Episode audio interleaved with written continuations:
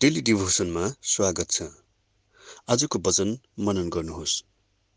पहिलो राजा तिन अध्यायको पाँच नौदेखि तेह्र। गिबनमा परमप्रभु परमेश्वर राति सपनामा देखा परेर तिनलाई भन्नुभयो तिमी मसित जे माग्छौ त्यो दिइनेछ। तपाईँको प्रजालाई ठिकसित शासन गर्नलाई बुझ्ने मन आफ्नो दासलाई दिइनुहोस् र त्यसले असल र खराबको भेद छुट्याउन सकोस्। किनकि तपाईँको यस ठुलो प्रजालाई कसले शासन गर्न सक्छ र?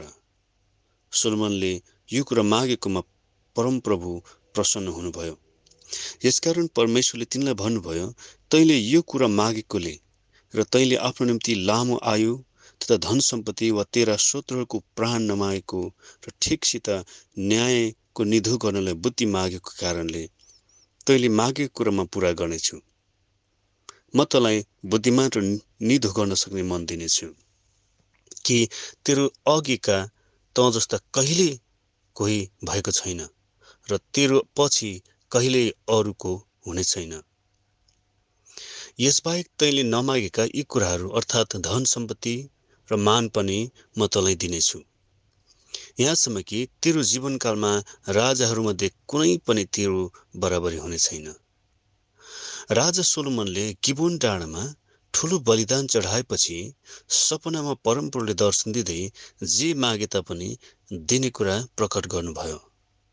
डाँडाहरूमा बलिदान दिनु व्यवस्था बमोजिम नभए पनि यसले सोलोमनको हृदयको समर्पणलाई देखायो। राजाको हृदय चिन्नुहुने परमेश्वरले उनको मुखबाट नै सुन्ने इच्छा गर्नुभयो। सोलमन राजाले धन सम्पत्ति वा लामो उमेर बाँच्नु पाऊ भनी मागेनन् तर उनले आफ्नो व्यक्तिगत कल्याणभन्दा जनताको कल्याण र उनीहरूको जीवनलाई महत्त्व दिँदै साँचो र सही तरिकाले डोर्याउन सक्ने बुद्धिको माग गरे। सोलोमन कलिली भए पनि उसको हृदय परमेश्वरतर्फ थियो। बुद्धि प्राप्त गर्ने उनको मागले परमेश्वरलाई प्रसन्न तुल्यायो। परमेश्वरले अब उनलाई बुद्धि दिनु नै हुने थियो। साथमा उनले नमागेका धन सम्पत्ति मान इज्जत पनि दिनेछु भनी प्रतिज्ञा गर्नुभयो।